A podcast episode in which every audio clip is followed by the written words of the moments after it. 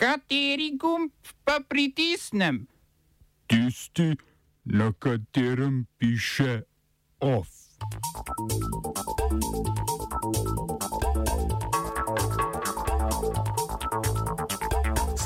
Kitajska napoveduje vlaganje v zelene energije v tujini.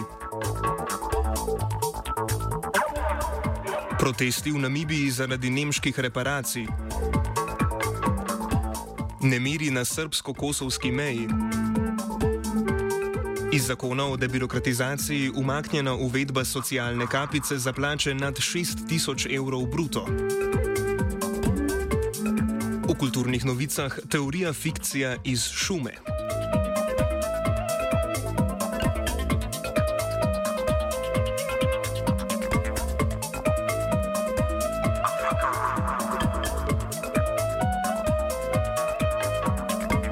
I'm kankaydım.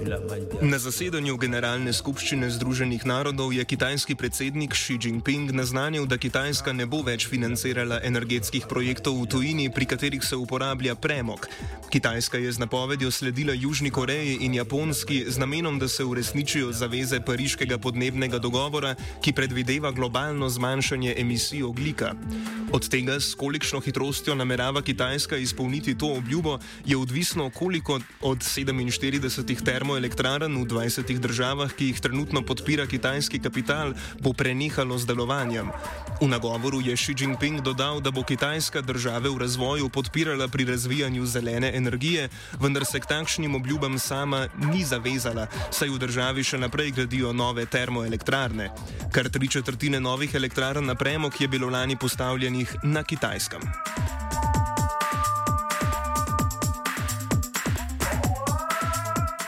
Več tisoč prebivalcev je bilo primoranih zapustiti mjanmarski kraj Tantlang ob indijski meji, kjer so več dni potekali boji med vladajočo vojsko in nekaj sto lokalnimi uporniki. Uporniški napadi so postali bolj pogosti, potem ko so v začetku meseca zakonodajalci, ki jih je z njihovega mesta izrinila hunta, pozvali k ljudski obrambni vojni.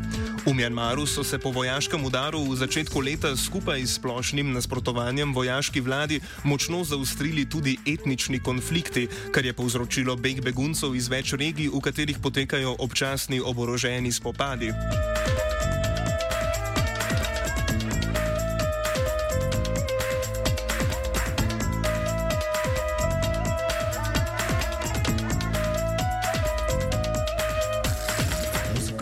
V Namibiji je okoli 300 ljudi udrlo v parlament v protestu proti napovedanemu milijardo evrov vrednemu dogovoru z Nemčijo, ki je maja prvič priznala genocid nad pripadniki namibijskih ljudstev Herero in Nama.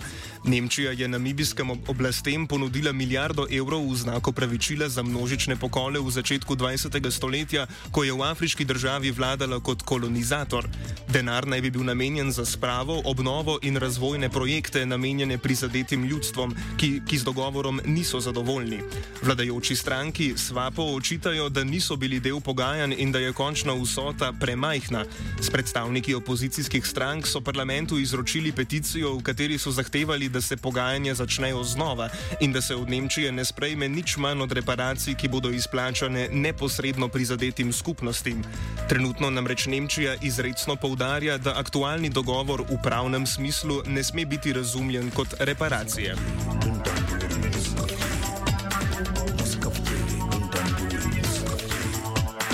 music of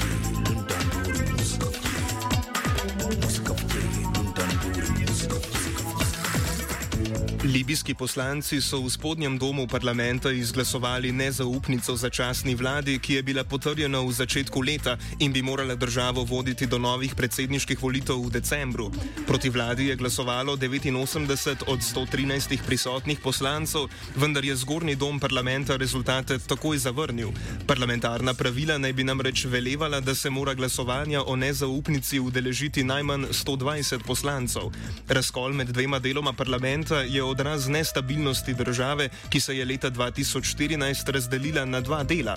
V glavnem mestu Tripoli je bila do marca letos stacionirana mednarodno priznana vlada, na vzhodu države pa administracija, ki jo je podpiral spodnji dom parlamenta.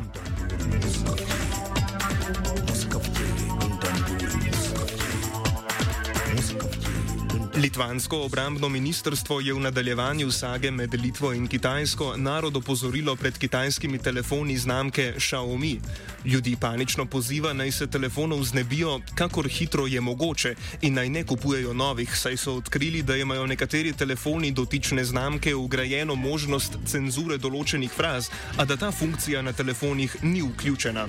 Na fantomski prepovedani listi naj bi bile fraze kot so osvoboditi Tibet, dolgo živele tajvanska neodvisnost in demokratično gibanje, skupno 499 vrstnih besednih zvez. Litvanski kibernetski center je upozoril še, da telefoni Xiaomi šifrirane informacije uporabnikov pošiljajo na serverje v Singapurju.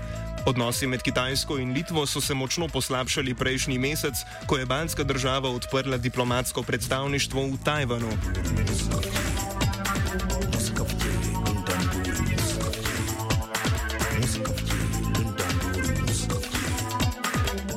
Mejna prehoda Jarinje in Brnjak med Kosovom in Srbijo, ki so jo v znak protesta zasedli kosovski Srbi, ostajata blokirana s tovornjaki.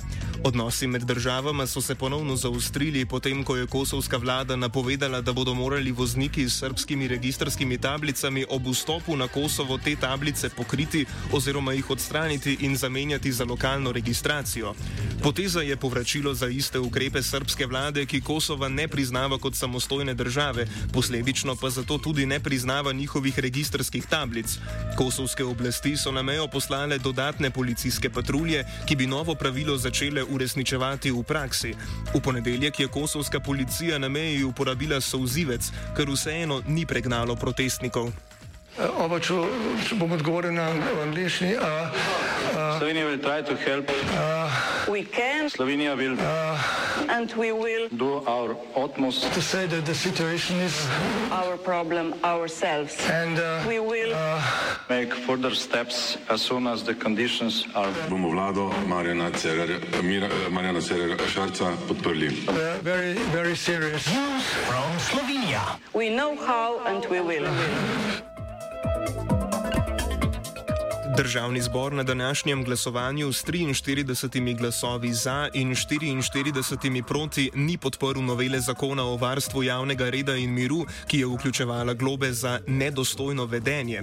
Predloga koalicije, ki je želela s 500 do 1000 evri kaznovati nedostojno vedenje do uradne osebe pri uradnem poslovanju ter do najvišjih predstavnikov oblasti in njihovih bližnjih, niso podprle opozicijske stranke, neopredeljeni poslanci in dva poslanca iz Desusa. Predstavnik italijanske narodne skupnosti Felice Žiža je bil vzdržan. Linden. Linden. Vlada je iz predloga obsežnega zakona o debirokratizaciji, ki ga je v drugačni različici sama sprejela že marca, umaknila določbo o uvedbi socialne kapice za plače nad 6000 evrov bruto, ker za, njo, ker za njo ni dovolj podpore.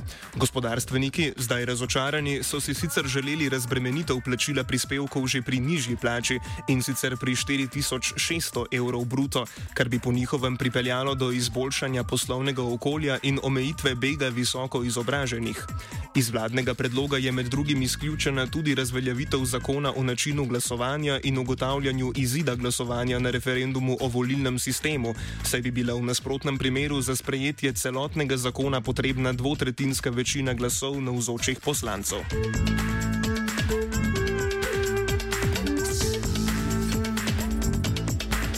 OF je pripravila Aida.